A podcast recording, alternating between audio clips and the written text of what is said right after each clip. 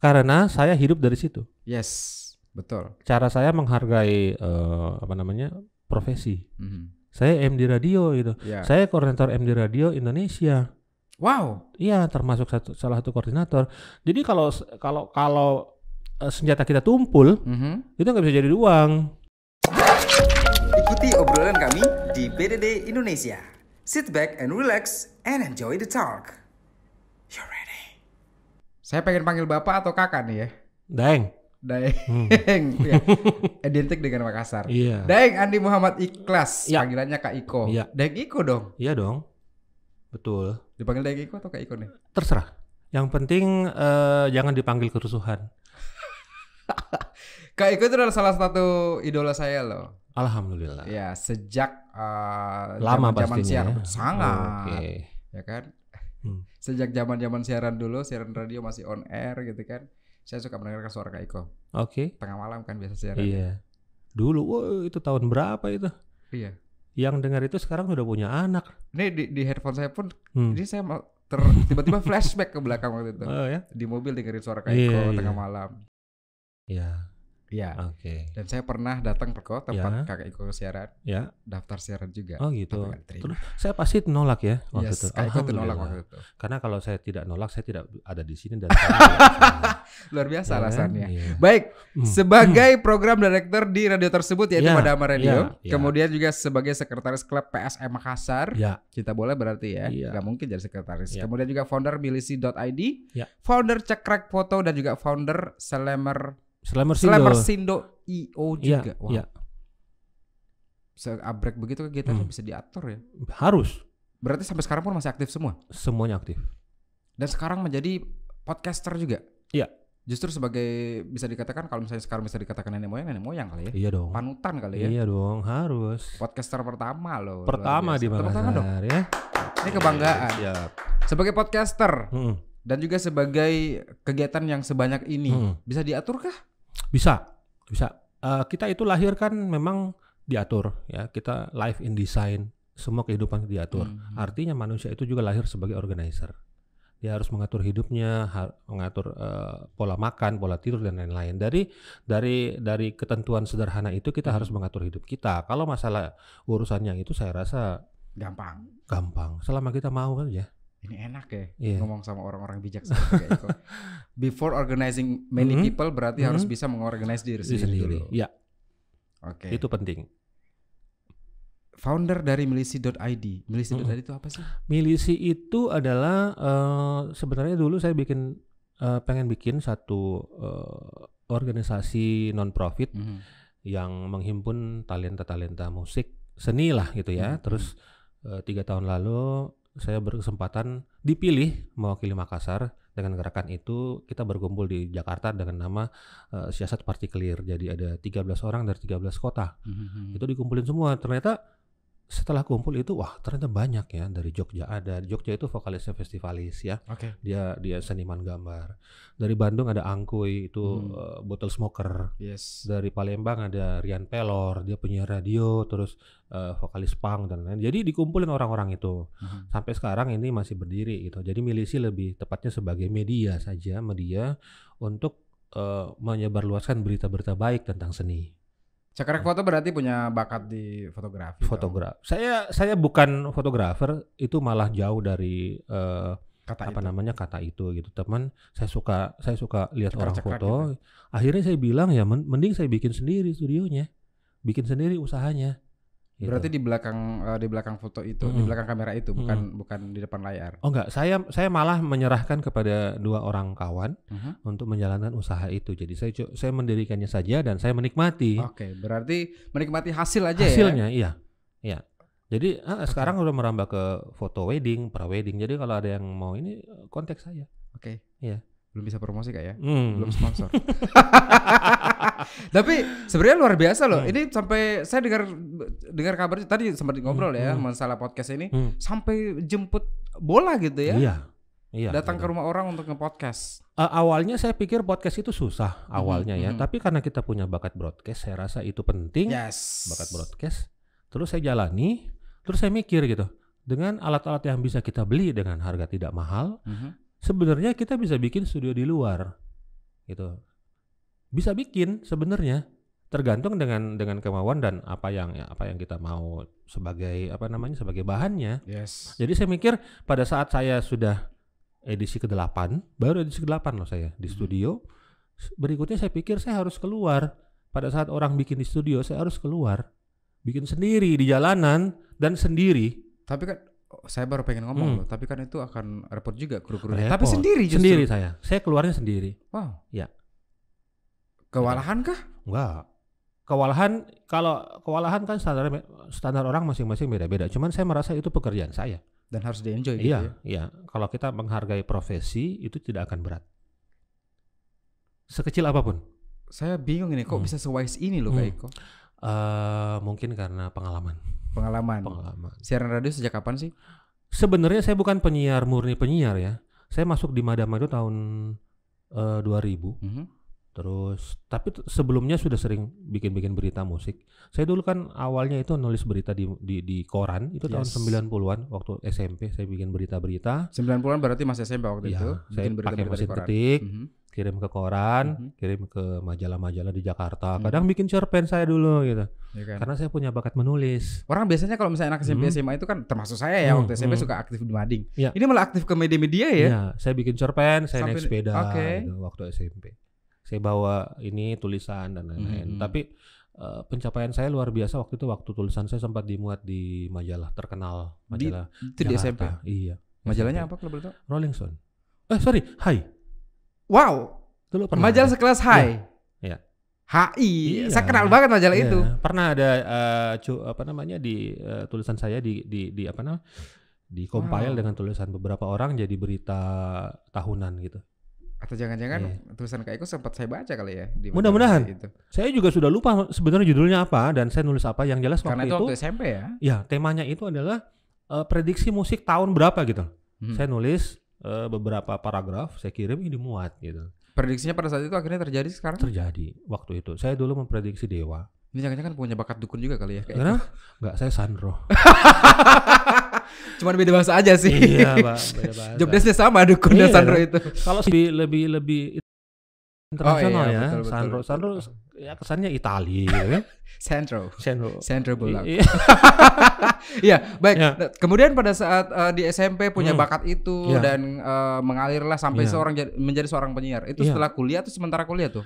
Eh, itu selap saya dulu termasuk orang yang gagal kuliah gitu karena saya kuliah tahun 9 berapa gitu ya. Mhm. Terus eh, tiga tahun saya keluar karena saya pindah ke Bandung. Pindah ke Bandung Iya. akhirnya berhenti kuliah Lima di- tahun saya di kampus sana. Saya nggak kuliah di sana malah. Tahun terakhir di Bandung saya coba masuk ke Unpad, eh, lulus di apa namanya di program malam. Mhm. Satu satu semester pun saya nggak kuliah juga gitu. Karena di sana saya mempelajari malah eh, bagaimana anak-anak pang itu survive Oke. di Bandung. Iya, saya kan di di belakang Bandung Ita Plaza itu anak pang yang Mhm, rambutnya eh, cok eh, apa kuning gitu. Iya. Saya pelajari cara mereka bergaul. Kenapa mereka itu tidak ada uang tapi bisa hidup.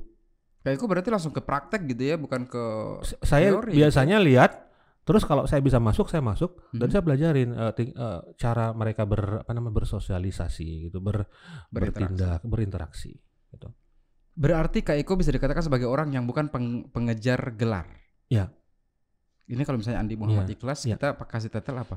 SE dong. Saya sarjana ekonomi akhirnya Hmm. setelah 14 tahun kuliah Oke. akhirnya saya juga sarjana juga gitu. 14 Tapi tahun baru Iya, dapat gelar itu. iya. Luar biasa. kan tiga tahun awal saya Ya. eh, ke Vakum, Bandung, ke tahun Bandung. kelima DO, Mhm. saya DO. Di DO. Di DO dari Unhas saya tahun 9 9 98 kalau nggak salah. Alasannya? Nggak tahu gitu. Karena ya saya katanya eh, empat semester nggak pernah masuk gitu. Saya do ya sudah nggak apa-apa lah gitu kan. Saya saya lanjut. Saya ke mana-mana waktu itu ke Jogja lihat lihat anak-anak muda di sana eh, berkembang seperti apa gitu kan. Saya Hmm, hmm, naik kereta dulu saya jalan-jalan gitu kan. Terus tahun berapa gitu ya? Akhirnya saya pulang di Makassar karena eh, rumah saya kebakaran. Gitu jadi teleponnya pulang gitu kebakaran saya pulang Karena kebakaran rumah akhirnya pulang. Iya, iya pulang. Terus eh akhirnya saya merasa bahwa kalau laki-laki kan harus punya gelar ya. Yes. Saya kejar lagi itu. Setelah 14 tahun saya sarjana.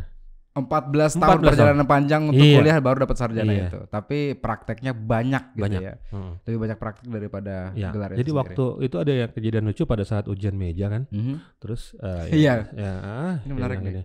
Ini, ini, ini kamu tulis sendiri, ya bu. Nah, Ini kamu pernah alami ya bu? Apalagi yang kamu alami pernah dalam hal pemasaran saya jelasin Yes. ini. Kenapa kamu harus ditanyakan gitu maksudnya? Oke, oke. Kenapa harus kamu tanya? Keluar gitu, kelar gitu. Jadi cuma satu pertanyaan, satu eh, penguji, saya lulus, Udah. lulus. Lulus. Iya. Karena lebih banyak pengalaman ya. Karena saya pengalaman. Gitu. Berarti bisa dikatakan bahwa mohon maaf ya, mungkin Mohon penguji pada saat itu Iya. lebih lebih kagum dengan Iya. keikunya sebagai orang yang berpengalaman dia di kan situ. dia kan nanya gini kan ini kenapa pilih judul ini saya bilang Hmm. ini gini, gini. tapi saya melihatnya dari sisi manus manusianya sebagai eh, consumer yes. karena kan ekonomi kan ekonomi oke. pemasaran Ah, ah, ah, ah. jadi saya bilang karena manusia Ya. itu consumer bu manusia itu gini gini segala macam makin makin besar keter- ke- ketergantungan terhadap barang ini bla bla bla segala macam dia bilang kamu tahu dari mana karena saya alami sendiri alami yang cerdas. keluar Udah keluar kamu. keluar dapat A Oke. Gitu. Keluar tapi dapat A. dapat A iya Bukan di depak berarti. enggak dong jangan kejadian Dan akhirnya pada saat itu dapatlah gelar esai itu. Iya. Dan sekarang pekerjaannya adalah sebagai orang yang terjun di dunia industri kreatif. Iya. Banyak sekali kegiatan dikerjakan sebagai penyiar, Hmm, kemudian jadi podcaster hmm, juga hmm. yang memang tidak jauh beda sih Iya. eh, apa namanya job desk-nya segala macam gitu kan. Iya. Dan juga sekarang aktif di belakang layar nih. Iya.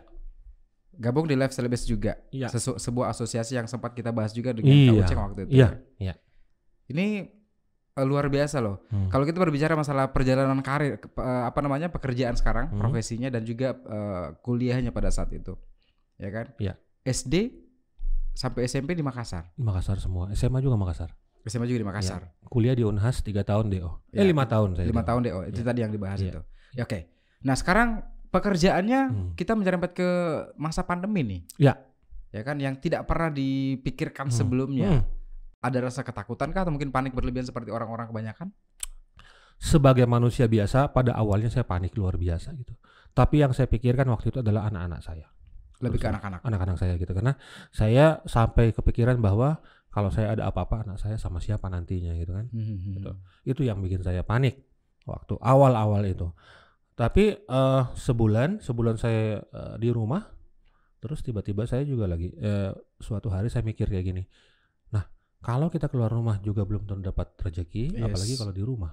Betul, betul, Gitu. betul. Ha-ha. Terus eh ber apa namanya ber inilah kabar-kabar yang Hmm, menyejukkan hmm. ya kan bahwa ternyata kan kita harus meningkatkan imun saja dan pola hidupnya dibetulin juga gitu kan dan saya yakin memang bahwa virus itu ada Oke. virus ada cuman eh, virus itu ada yang ngatur bisa jadi ya bisa jadi Yang kita bahas ini adalah virus COVID-19 itu. COVID iya Oke. iya jadi eh, menurut saya kan jelas gitu kan virus pada Mhm. saat kita cuci tangan Mhm. virusnya mati Oke. Ya Kan- udah, cuci kan- tangan aja. iya obatnya jelas Pakai sabun udah pakai selesai. sabun Gak Iya. repot-repot, gak mahal-mahal. repot-repot gitu Oke. itu saja sebenarnya jadi sebenarnya hal yang hal yang sederhana tapi dibesar-besarkan media Oke. Jadi simpel ya, sesimpel simple sesimpel apa Virus- yang iya, kita pernah pelajari covid gitu itu ya. kan virus Hmm, betul, betul, Virus. betul. kita kita dari Maros ke Makassar naik motor Mhm. kita pasti virus ada dong masuk ya Yes, mau betul. de- debu dan lain-lain itu kan virus juga Ha, gitu tiba-tiba kita pulang ke rumah batuk-batuk influenza itu kan virus Hmm, hmm, sama dengan covid hmm. Betul. virus juga Bisa dikatakan se- sejajar dengan virus-virus biasa Sama. gitu ya. virus biasa cuman karena kalau kalau kita punya penyakit bawaan itu Mhm. jadi berbahaya Hmm, Jadi eh, teman-teman yang tidak punya penyakit bawaan, ya dengan imun yang kuat dan dan apa eh, cara berpikir yang positif, Yes. insya Allah Berarti nggak boleh stres ya. nggak boleh Harus stres, selalu, selalu Harus. bahagia gitu kan. harus ketawa terus, Dan olahraga. olahraga. Oke. Saya sih tiap tiap pagi ini kebiasaan lama saya sudah lima tahun gitu. Setiap hari saya harus push up dan sit up 50 kali. Oke. 50 kali 50 kali push up, 50 kali sit up setiap hari setiap hari. selama lima tahun terakhir. Itu karena pandemi kah? Enggak, udah lima tahun. 5 tahun terakhir. Iya. Eh, Tapi kalau berbicara masalah em, eh, kegiatan olahraga Hmm, itu hmm, tersebut hmm. dan juga kita berbicara masalah pandemi dan Iya. pekerjaannya berefek dong. Pasti. Pasti bayangkan saya IO. Eh, IO saya adalah IO yang paling lama eksis di Makassar. IO IO saya itu terbentuk tahun 2001. 2001. Ya, 2000 eh bukan 2001, 94. 94. Iya, Itu 94. saya masih SD. Iya, 94 IO saya terbentuk. Tapi resminya sebagai perusahaan tahun 2001. Oke. eh waktu itu pada saat pandemi baru baru kita kita rasakan itu Mhm. eh, kita lagi merancang program untuk 2020 dong ya. Mm-mm. Kita udah ada eh, perencanaan event ke selama tahun ini itu ada sekian 9 atau 11 event yang lumayan Yes. itu semua batal. Semuanya batal. Semua batal. Pada saat dibatalin itu gimana tuh perusahaan? Eh, Kacau. saya langsung kan? mikir bahwa eh ini ujian tapi ini luar biasa. Cuman waktu itu bulan puasa. pas bulan puasa. bulan puasa gitu. Jadi pada uh, bulan tiga kan kita masih mikir ini Yes, bisa ini yes. mungkin pandeminya dua bulan gitu kan. Ah, ah, ah, ah. Tapi event bulan puasa cancel semua. Cancel semua. Jadi kemungkinan pendapatan hilang gitu. Jadi Hmm. saya pikir luar biasa cobaannya buat buat bukan cuma buat saya, IO saya, teman-teman juga termasuk anak-anak live juga kan. Yes. Kita punya uh, uh, kerugian sampai bulan ini kalau nggak salah 120 miliar. Wow. IO IO Makassar. Om Uceng pasti kemarin sempat singgung juga Yes. ya betapa besar pengaruh Dampak besar Iya, kepada iya. semua talent, semua eh, apa pelakon-pelakon Iya. di industri kreatif itu tersebut. itu dampaknya seperti itu belum dampak non material Betul. stres dan lain-lain eh, teman-teman tidak punya kerjaan Hmm, stres hmm. dan lain itu macam-macam Memikirkan apa makan Hmm. apa lagi hari Iya, ini gitu kan. iya. Apalagi keluarga yang harus dibiayai gitu kan. iya. Oke. Keluarga anak ada dua berarti dua sekarang? ya Belajar dari rumah juga. ya anak saya umur 2 tahun dan tiga tahun jadi belum oh, belum- masih kecil semua. tapi yang tiga tahun sudah setahun terakhir itu ikut PAUD Ikut PAUD. ya jadi umur satu tahun enam bulan pada saat dia sudah sudah stabil berdirinya saya masukkan PAUD Oke. Anaknya biar biar cepat mandiri Biar cepat mandiri. Iya. Anak yang pertama umur Yang pertama. eh, umur 3 tahun tadi itu sekarang tiga tahun cewek cowok. cowok Yang kedua yang kedua cewek umurnya Berarti- satu tahun 11 bulan berarti lagi lucu-lucunya ya. iya Ada alasan untuk cepat pulang ke rumah gitu ya. iya dong Dan juga ada eh, tempat untuk bermain biar Iya. selalu happy iya dan menguatkan imun Ya itu dia, gitu. itu penting. Cara Kak Iko untuk Mm-mm. bisa mencegah COVID-19 ataupun virus apa pun masuk di keluarga Kak Iko seperti apa? Eh, yang pertama kita kan, saya yakin banyak di antara kita adalah carrier. Saya juga Ya. carrier gitu loh. Pada saat saya punya imun turun, Mhm. saya khawatir itu mempengaruhi saya dan anak-anak saya. Anak-anak. Jadi saya berusaha untuk eh, imun saya kuat, saya tidak stres, saya bekerja sesuai passion saya. yes. terus Tapi kita butuh perlindungan buat keluarga pada saat pulang ke rumah, ganti Mhm. baju, mandi, eh, keramas. itu keharusan. Harus setiap hari. Cuci baju segala macam tidak boleh di setiap pulang dari Langsung luar masukkan ke eh, ember Untuk pakaian kotor. pakaian Ya, kotor. iya. Itu nggak boleh Tidak boleh tidak. Harus. nggak boleh sentuhan sama anak-anak dulu berarti. Iya, pada saat eh, saya pulang, anak saya, "Papa, papa." Eh, istri selalu bilang kayak gini, "Jangan sentuh dulu, Nak, biar papa mandi-mandi dulu." gitu. Wow. Istri saya juga kayak gitu. Istri saya kan makeup artis, makeup pengantin. Setiap pulang ke rumah juga harus seperti itu. Harus di Harus, harus bersih-bersih dulu. ditegaskan gitu ya. Tegas harus karena kita memproteksi anak gitu. Betul betul betul. Iya. Yang rentan, anak kan rentan. Hmm, hmm. Hmm. Berbicara masalah anak nih, Hmm. masa depannya kita Hmm. membahas nih. Ya. Anak Kak Eko akan diarahkan ke mana nih? Ke entertainment, ke politik kah, atau Kal- justru mungkin ke pengusaha Ah, atau apa? Kalau anak saya yang pertama, dua hari lalu saya saya surprise sekali dua hari lalu saya kerja dari rumah, saya Mhm. buka laptop di rumah. Hmm. eh dia main dengan tab-nya. Tiba-tiba dia kayak gini. Papa, papa, papa, kenapa ini tab? Kenapa ini tab gitu. Pas saat saya lihat lagi mengupload video sudah 62%. Serius? Iya, Upload ke ke YouTube. YouTube. Anak saya mengupload videonya sendiri ke YouTube umur 3 tahun. Mengupload itu gak gampang loh. Gak gampang. Jadi Yes. pada saat dia kan stres karena kan eh, ininya kan nggak bisa ini kan Aha. layarnya. Papa, papa, kenapa ini? Kenapa? Kenapa? Saya datang. "Hah, kenapa ini? Upload 62%. Wow. Saya, ini video apa? Tiba-tiba 100% saya nonton. Ya Allah, ini videonya dia. Videonya dia. Iya, lagi lagi ngunyah eh, karet gelang. Itu diupload ke YouTube channelnya dia. Iya. Saya kan pada saat beli Wow. itu kan harus kita mau eh, install aplikasi kan harus Hmm, punya ini harus kan punya akun, akun ya dulu. kan. Maksudnya Jadi otomatis ada YouTube-nya, akun YouTube-nya. didaftarin punya dia. Iya, atas sama dia gitu kan. Tapi kan Hmm. dia nggak tahu. Saya juga saya juga kan heran ini. Oh iya, saya pernah buatkan akun Oke. untuk mengaktifkan Google Play Store-nya kan. Ah, ah, ah. Gitu. Jadi saya nggak tahu dia eh, pencet apa, tiba-tiba mengupload video. Mengupload video Sudah tersebut. 62% saya lihat. Wah, ini apa nak? Ini apa? Pas selesai, oh, oh ya nggak apa-apa. 100% selesai 100% pas lihat selesai. oke. Iya, dan anak saya itu umur 3 tahun, kan istri saya lumayan lumayan banyak eh, endorsement ke istri Mhm, saya makanan biasanya. Mhm. Sekarang dia sudah bisa review sendiri makanan. Anak yang umur 3 tahun tiga itu. tahun, iya. Kadang eh, dengan dengan bahasa yang ter Ini ke Guys, ini harus beli ini nanti ini enak sekali ya gitu. Gitu. penasaran saya jadi Iya. langsung. Heeh. Ini berarti sudah ada gambaran dong ke depannya Ya. akan menjadi apa gitu ya. Iya, sepertinya anak pertama saya itu akan akan ke seni juga. Ke seni. sepertinya. Anak anak pertama saya laki-laki, rambutnya panjang. Dia nggak mau potong rambut. Jadi kadang kalau ini harus harus di sedikit eh, kita harus tricky orang tuanya. Yes. Nejat, nejat sini sini sini. Ah, lihat ini bagus tiba-tiba dipotong rambutnya "Hah?" gitu. Tapi kalau di, di, di dibawa ke barber shop nggak mau dia. Dia nggak mau. Nggak mau Udah dia. ketahuan dia akan Ketahuan, potong, potong rambut. ketahuan gitu. dia akan berambut panjang. Dia memang suka rambut panjang gitu suka dia. Dia eh ada teman saya di milisi penyiar Madama itu kan eh, anak musisi metal, musisi metal. Dia selalu tanya, "Papa, papa, mana Om Brandon? Om Brandon?" gitu. ya. Mm-mm. Saya kalau malam kalau eh, ini, "Papa lihat lihat Instagram Om Brandon" gitu kan. Baru dia kayak gini-gini. Suka gitu ya suka dengan dia. seperti itu. ya. Iya, dia suka gitu. Dia suka Gila. musik keras. gitu. Iya. Anak umur 3 tahun sudah musik. Iya, iya. sudah banyak musik videonya keras. banyak di handphone saya. Iya, oke, oke. Hmm. Dia kalau musiknya menye-menye dia nggak suka gitu. Wow. Dia tidak suka. Band favoritnya dia apa dong? Saya nggak tahu ya. Yang jelas kalau Oke. dia suka, dia suka dan dia ah, gini-gini. Musik gini, keras, begini, Metallica gini. gitu I- kan? Iya. Dia sudah pernah dengarkan lagu Metallica? Iya, sering saya perdengarkan ke dia dan dia suka. Slipknot? Iya. Terakhir yang dia suka itu eh Prophet of Rage itu bandnya Tom Morello. Oke. Gila itu dia tiba-tiba baru bangun tidur saya saya saya lagi putar itu di kamar tiba-tiba dia lompat-lompat. Bagus papa, dia suka bagus gitu. Oke. Iya. Kalau yang kedua sepertinya lebih mandiri perempuan tapi dia tough gitu dia strong. Umur 2 tahun sudah bisa melihat itu? Kalau yang yang umur eh, anak saya yang kedua ya Ah. sepertinya dia akan menjadi perempuan mandiri gitu seperti ibunya Oke. gitu. Kalau yang pertama seperti bapaknya sepertinya jadi seni. Lebih ke seni gitu Iya, kan. iya. Saya akan yang pertama akan saya arahkan mungkin kalau dia udah bisa saya udah- sudah belikan dia drum kecil gitu. mhm. Dia suka dipukul-pukul dan kadang sudah sudah ada beatnya dia main terus gitu. Keluarga berencana punya rencana lagi ke depannya untuk nambah? Ah, belum. Bukan KB jadinya Belum. kan? belum, belum, Iya. belum juga. Itu masalah eh, tambah atau tidak itu tergantung rezeki. Oke. Iya. Yang penting berusaha dan berdoa aja lah ya. Iya. Dan anak-anak ini akan diarahkan ke hal-hal Iya. yang lebih Positif. positif dan Iya. produktif. Iya. Oke. Oke. Saya pengen ajak main game dong boleh? Boleh.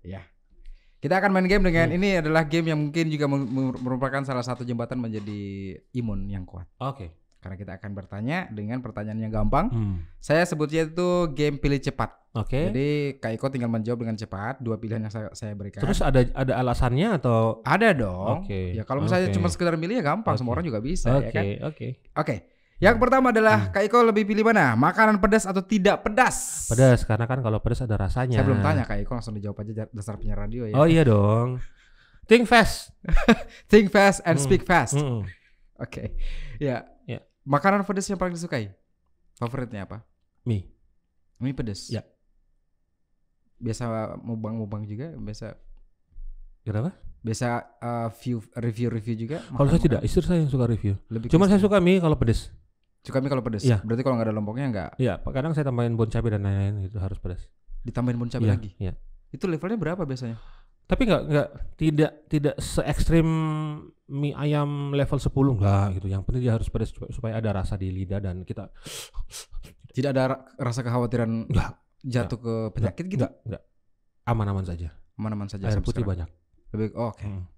Berikutnya adalah berkuah atau tidak berkuah? Berkuah. Saya suka bakso dan sangat suka makanan berkuah, coto, palu basah dan lain-lain. Hmm. Ini kalau yang pertanyaan berikutnya sudah dibahas sih, tapi nggak Hmm. apa-apa saya tanya lagi. Iya.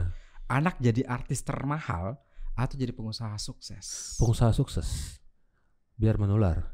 Ya. Pengusaha itu pasti ada progres. Kalau Oke. artis belum tentu ada progres. Ya, Sekarang rata-rata- bisa dibeli. betul. Rata-rata artis juga itu kan Iya. sebenarnya uh, Iya. bisa dikatakan sebagai batu loncatan Iya. ya untuk bisa jadi pengusaha. Status selebriti itu luar biasa tanda tanyanya buat saya. Oke. Kenapa? Karena saya tidak percaya itu. Tidak ada settingan dalam hidup gitu. Oke. Tapi kalau ada artis yang katanya saya dulu begini di rumah saya nggak punya makanan itu bullshit semua itu. Bohong itu semua. Ini industri. Industri kreatif yang memang banyak bohongnya. Bukan industri kreatif namanya, ini industri kebohongan. Industri kebohongan. Iya, banyak sekali di di sekitar kita. Di di sosmed juga banyak, di TV juga banyak industri Iya. kebohongan gitu. Pencitraan berarti ya. Iya dong. Bayangkan ya anak SD di Mhm. kampung-kampung mau jadi apa? Jadi selebriti. Jadi artis. Luar biasa. Waktu dulu kita jadi dokter, insinyur, sekarang jadi artis. Karena apa yang mereka lihat di TV? Yes. Bohong semua. Lihat di TV dan lihat di YouTube Mm-mm. gitu kan. Putus jadi berita. Mhm, Balik lagi jadi berita mhm. gitu. Cerai jadi berita. Jadi jadi berita. Tapi pada saat cerai itu mungkin ada banyak settingan juga kali ya. Banyak, banyak. Nikah pun sampai settingan Iya mungkin. dong. Jadi apa yang kita mau lihat dari itu gitu. Untuk anak-anak kita. That's why akhirnya anaknya tidak mau diar- diarahkan ke sana. Iya, ya. dan saya nggak pernah nonton TV Indonesia. Apalagi apalagi sinetron ya. Iya dong. Oke. Pertanyaan berikutnya Hmm. nyan- nyantol tuh. Hmm. Pilih mana? Sinetron atau drama Korea? Sinetron. Tapi justru sinetron yang dipilih. Iya, kadang. Karena eh, drama Korea terlalu melankolis. Sinetron masih ada kan sinetron religi. Drama Korea nggak ada religi. Tapi religi tetap ada yang apa eh, apa namanya? Setidaknya ada pesan-pesan moralnya. Iya sih. Heeh, yang penting bukan sinetron yang. eh, Tapi ceritanya banyak yang berlebihan juga sih. Iya pasti kepentingan TV. Mhm. Kalau kita bicara kepentingan TV itu luar biasa, luar biasa menurut saya luar biasa eh, dampaknya. Aha, aha. Karena TV adalah rating. TV adalah rating betul Iya. betul. TV adalah uang, siaran adalah uang. Oke. Semua yang tampil di TV itu uang semua. Mhm. ujung-ujungnya. Jadi kalau mau punya uang atau punya uang banyak bisa tampil di TV. Betul sih. Saya pernah membawa Hmm. ini bo- boleh cerita, Iya, cerita sedikit ya. Ya, boleh. Saya Hmm. pernah eh, mendampingi sebuah tel seorang talent. Hmm, Waktu itu kita lagi lempar album, Ya, lagi masih cari nama Ya. dan kita harus masuk di salah satu program musik di TV. TV. Iya. Kita diminta bayar 40 juta Iya dong. segitu ya. Ya, itu bukan rahasia lagi Untuk sekarang. eksis gitu ya. Iya dong. Untuk sekali tampil toh. Betul betul betul. Iya, Sekali tampil aja tuh. Iya. Dua lagu bahkan 40 juta Iya, bayarnya. Makanya saya bilang itu semua settingan. Oke. Gitu. Tidak ada yang real di TV gitu. Maksudnya jadi eh, so sorry TV nasional no. Kecuali yang sekarang ini ya, kita mengundang Kak Hmm. Eko datang ke sini bukan Hmm. settingan. Oh bukan dong. Datang ke sini pun bukan settingan. Saya pun ke sini naik motor loh satu jam Yes. gitu. Itu itu bayangkan Hmm. ini adalah luar biasa loh, Pak. Hmm. Ya, sesuatu yang luar biasa menurut- saya. Hmm. Naik motor karena Iya. apa? Alasannya kejar waktu. Iya. Biar bisa Saya ah, ah, karena saya saya orang berprinsip mending saya nunggu daripada ditunggu. Wah, luar biasa. Ya, karena kalau pada saat kita menunggu orang, bebannya ada di orang yang kita tunggu. Iya. Dan Gitu. saya yang eh, menjadi domba-domba nih. Iya. Iya kan? Interview seorang podcaster luar biasa loh. Berikutnya adalah pilih mana? On air atau off air? Off air. Lebih banyak duitnya. Enggak juga. Kalau off air itu kan macam-macam bisa event, bisa Hmm, dan lain. Kalau off air kita lebih bisa nge-setting, kalau on air itu kan apalagi kalau tidak ada filternya itu berbahaya gitu. Apa pun yang kita ucapkan itu keluar. Yes, didengarkan oleh Iya, banyak orang ya. iya. Dan kita tidak tahu pendengarnya siapa Iya. gitu ya. Ya, itu bisa dipelintir. Mhm. Nah, sekarang masalahnya adalah pada saat kita berbicara, kita posting sesuatu di sosmed, itu menjadi milik publik. Oke. Kita tidak boleh Betul, komplain. betul. Nggak boleh komplain. Walaupun itu adalah video konsumsi pribadi Iya ketika dong. sudah dilempar ke Iya dong. sosmed. Oke. Itu itu itu yang saya campaign eh, dalam eh, beberapa tahun terakhir. Mhm. Saya punya eh, campaign namanya B- Benis Brand, itu semuanya saya bahas masalah itu. Termasuk itu tadi pada saat kita eh, memposting sesuatu, Iya. jangan marah kalau orang ambil, Betul, nggak boleh betul. marah. Karena, Karena sudah dilempar ke publik. Sudah di- iya, jadi domain publik. Bocah. Oke, Iya. Pelajaran besar, pelajaran besar Hmm, buat saya hmm, pribadi. hmm. Yang berikut adalah pilih mana nih? Dipilih nyanyi, disuruh nyanyi atau disuruh acting?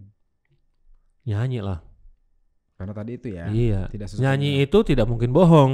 itu dia. Acting bisa bohong. Coba buktikan Apa itu? nyanyinya. Eh, nggak ada musik. Nggak apa-apa. Kan Oh, bisa humming. uh, uh. Bisa humming, bisa. Ah, nggak- Tapi kalau bisa Hmm, ini hmm, kan hmm, di bajunya hmm. tertulis Metallica nih. Iya Metallica dong, ya? Iya. Suka metal-metal begitu ya? Iya dong. Sebagai laki-laki harus metal. Saya laki-laki nggak suka metal saya. Saya pertanyakan ini. Kru, kru, ada yang suka Hmm, metal nggak di sini? Iya dong. Enggak kan? Iya dong. Maksa kemarin ada dengar lagu dia kemarin. dengar lagu itu. Nggak Oke. apa-apa. Untuk referensi boleh. Saya mendengarkan musik sehari itu karena saya musik director. Saya membiasakan diri dan mewajibkan eh, kuping saya mendengar 40 lagu tiap hari. Karena di program kemarin memang siarannya itu. Karena saya hidup dari situ. Yes, betul. Cara saya menghargai eh, apa namanya profesi. Mhm. Saya MD radio gitu. Ya. Saya koordinator MD radio Indonesia. Wow. Iya, termasuk satu, salah satu koordinator. Jadi kalau kalau kalau eh, senjata kita tumpul, Mhm. itu nggak bisa jadi uang. Berarti kalau sebagai pe- penyiar radio Hmm, itu harus suara bass mungkin seperti Enggak, suaranya Kak Iko. Enggak, Suara Madama, campur gimana dong? Madama itu tidak punya kompresor untuk vokal. Wow. Jadi apa pun yang eh, keluar itu keluar saja. Keluar saja. Iya. Kira-kira saya cocok jadi penyiar radio nggak? Saya punya mimpi loh Kak Iko Eh. dari dulu pengen pengen banget jadi penyiar. Mau menjadi broadcaster yang bagus, Mhm. mau MC atau apa pun harus jadi penyiar radio dulu. Oke. Karena kita diajarkan ketabahan. Tabah. Tabah, sabar. Bayangkan kita siaran radio, apalagi malam, kita tidak melihat orang di situ. Dan harus ber- beranggapan bahwa Hmm. banyak yang mendengarkan. Mm, dan dan kita harus dan kita harus yakin bahwa siaran saya itu dinikmati sama orang. Yes. MC boleh kita seratus ribu orang depan kita Oke. gitu, tapi coba siaran radio sendiri akan Diajarin beda. tabah gitu kan. Iya dong. Betul betul, Iya, betul, beda. betul, betul. Bagaimana saya harus, Harus. apakah pendengar saya suka segala macam. Hmm. Karena kan kita harus masuk ke situ, Mhm. ke telinga pendengar kita.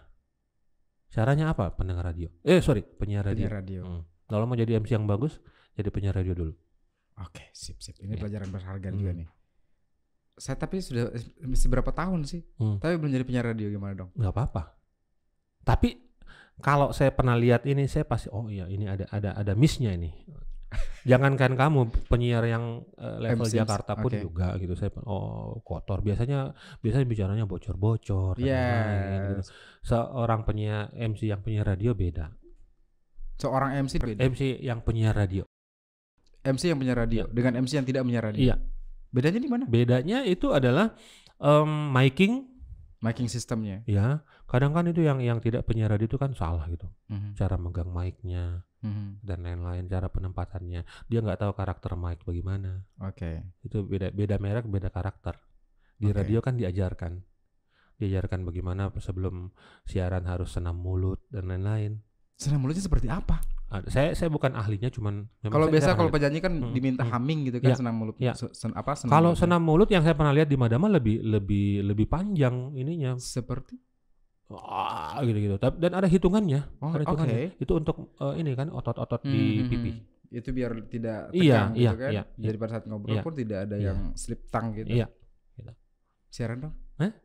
ayo boleh Praktekin dikit. saya Yes. aduh saya sebenarnya bukan terakhir, penyiar terakhir siaran Eh. kapan? Waduh.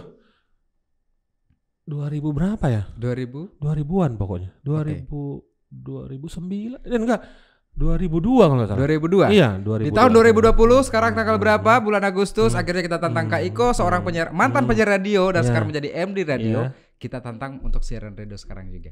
Topiknya? Openingnya aja. Kalau kita siaran langsung dua jam bisa lama Kak Iko. Oke, openingnya ya. Ini apa namanya? BDD Media. Media Komunika. Nah. Oke, BDD. seperti kalau kita siaran di radio dengan eh, formatnya sedikit bebas.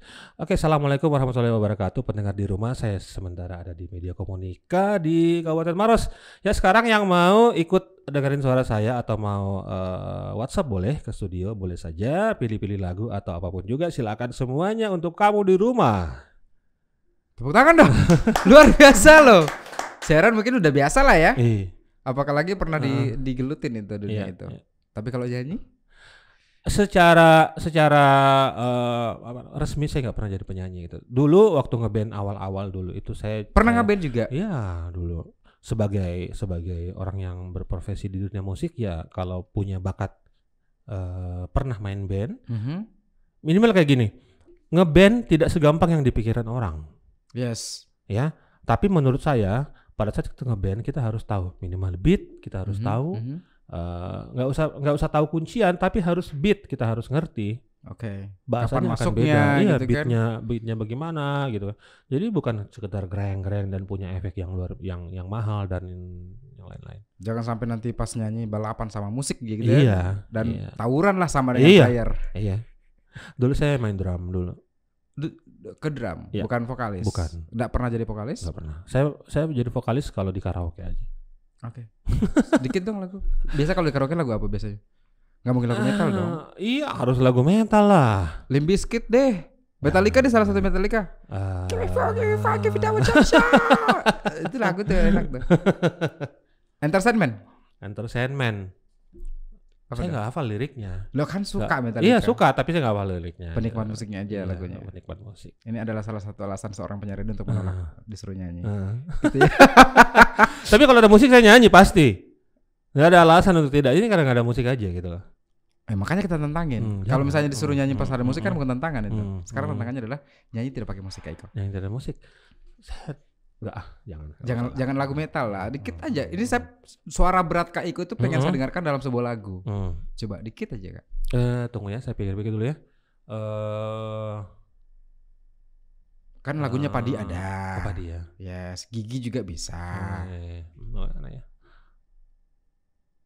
Indah, begitu indah Bila kita terbuai dalam alunan cinta Sedapat mungkin terpisahkan rasa Keinginan saling memiliki Luar biasa. Tepuk tangan dulu dong. Ini eh, Hancur pasti tapi siaran dulu nggak pernah nyanyi di di depan mikrofon gitu di Nggak studio? pernah, nggak pernah. Saya sebenarnya siaran radio juga hitung sebenarnya hitungan jari aja seben dulu gitu. Mhm. Eh, karena secara secara struktur sebenarnya saya bukan penyiar sebenarnya. Lebih ke Cuman kadang kalau kalau ada program atau eh, eh, ini ini bisa nih saya bikin program sendiri dan ya mau tidak mau harus harus siaran dan saya tuh jarang nggak nggak pernah malah sendiri itu harus tandem biasanya karena saya lebih lebih lebih kuat Oke. kalau tandem. Dulu saya pernah ingat banget waktu pas zamannya Kak Eko siaran, Hmm, MC MC gitu Iya, kan. iya. Dan waktu itu Kak Eko pernah terpampang namanya jelas nyata gitu kan Hmm. di em, salah satu apa sih namanya eh, baliho di Iya. depan apa sih di depan eh, Hotel Clarion. Waktu itu Kak Iko Ah. pengen MC di situ. Oh ya? MC betul gak sih? Bener kan? Iya, tapi saya lupa. Tahun berapa? Pokoknya udah lama, Hah? 2011 2010-an gitu. Wih. Pertama kali saya berpindah dari Jakarta ke Makassar. Wih. Itu melihat itu Hmm. saya merasa bangga banget dan kapan ya saya bisa Hmm. seperti Kak Iko gitu kan. Karena memang salah satu penyiar radio yang saya suka di Makassar adalah Kak Iko. Hmm, hmm, Di Jakarta banyak ya, Iya. karena kan memang mereka adalah aktif di TV juga. Iya.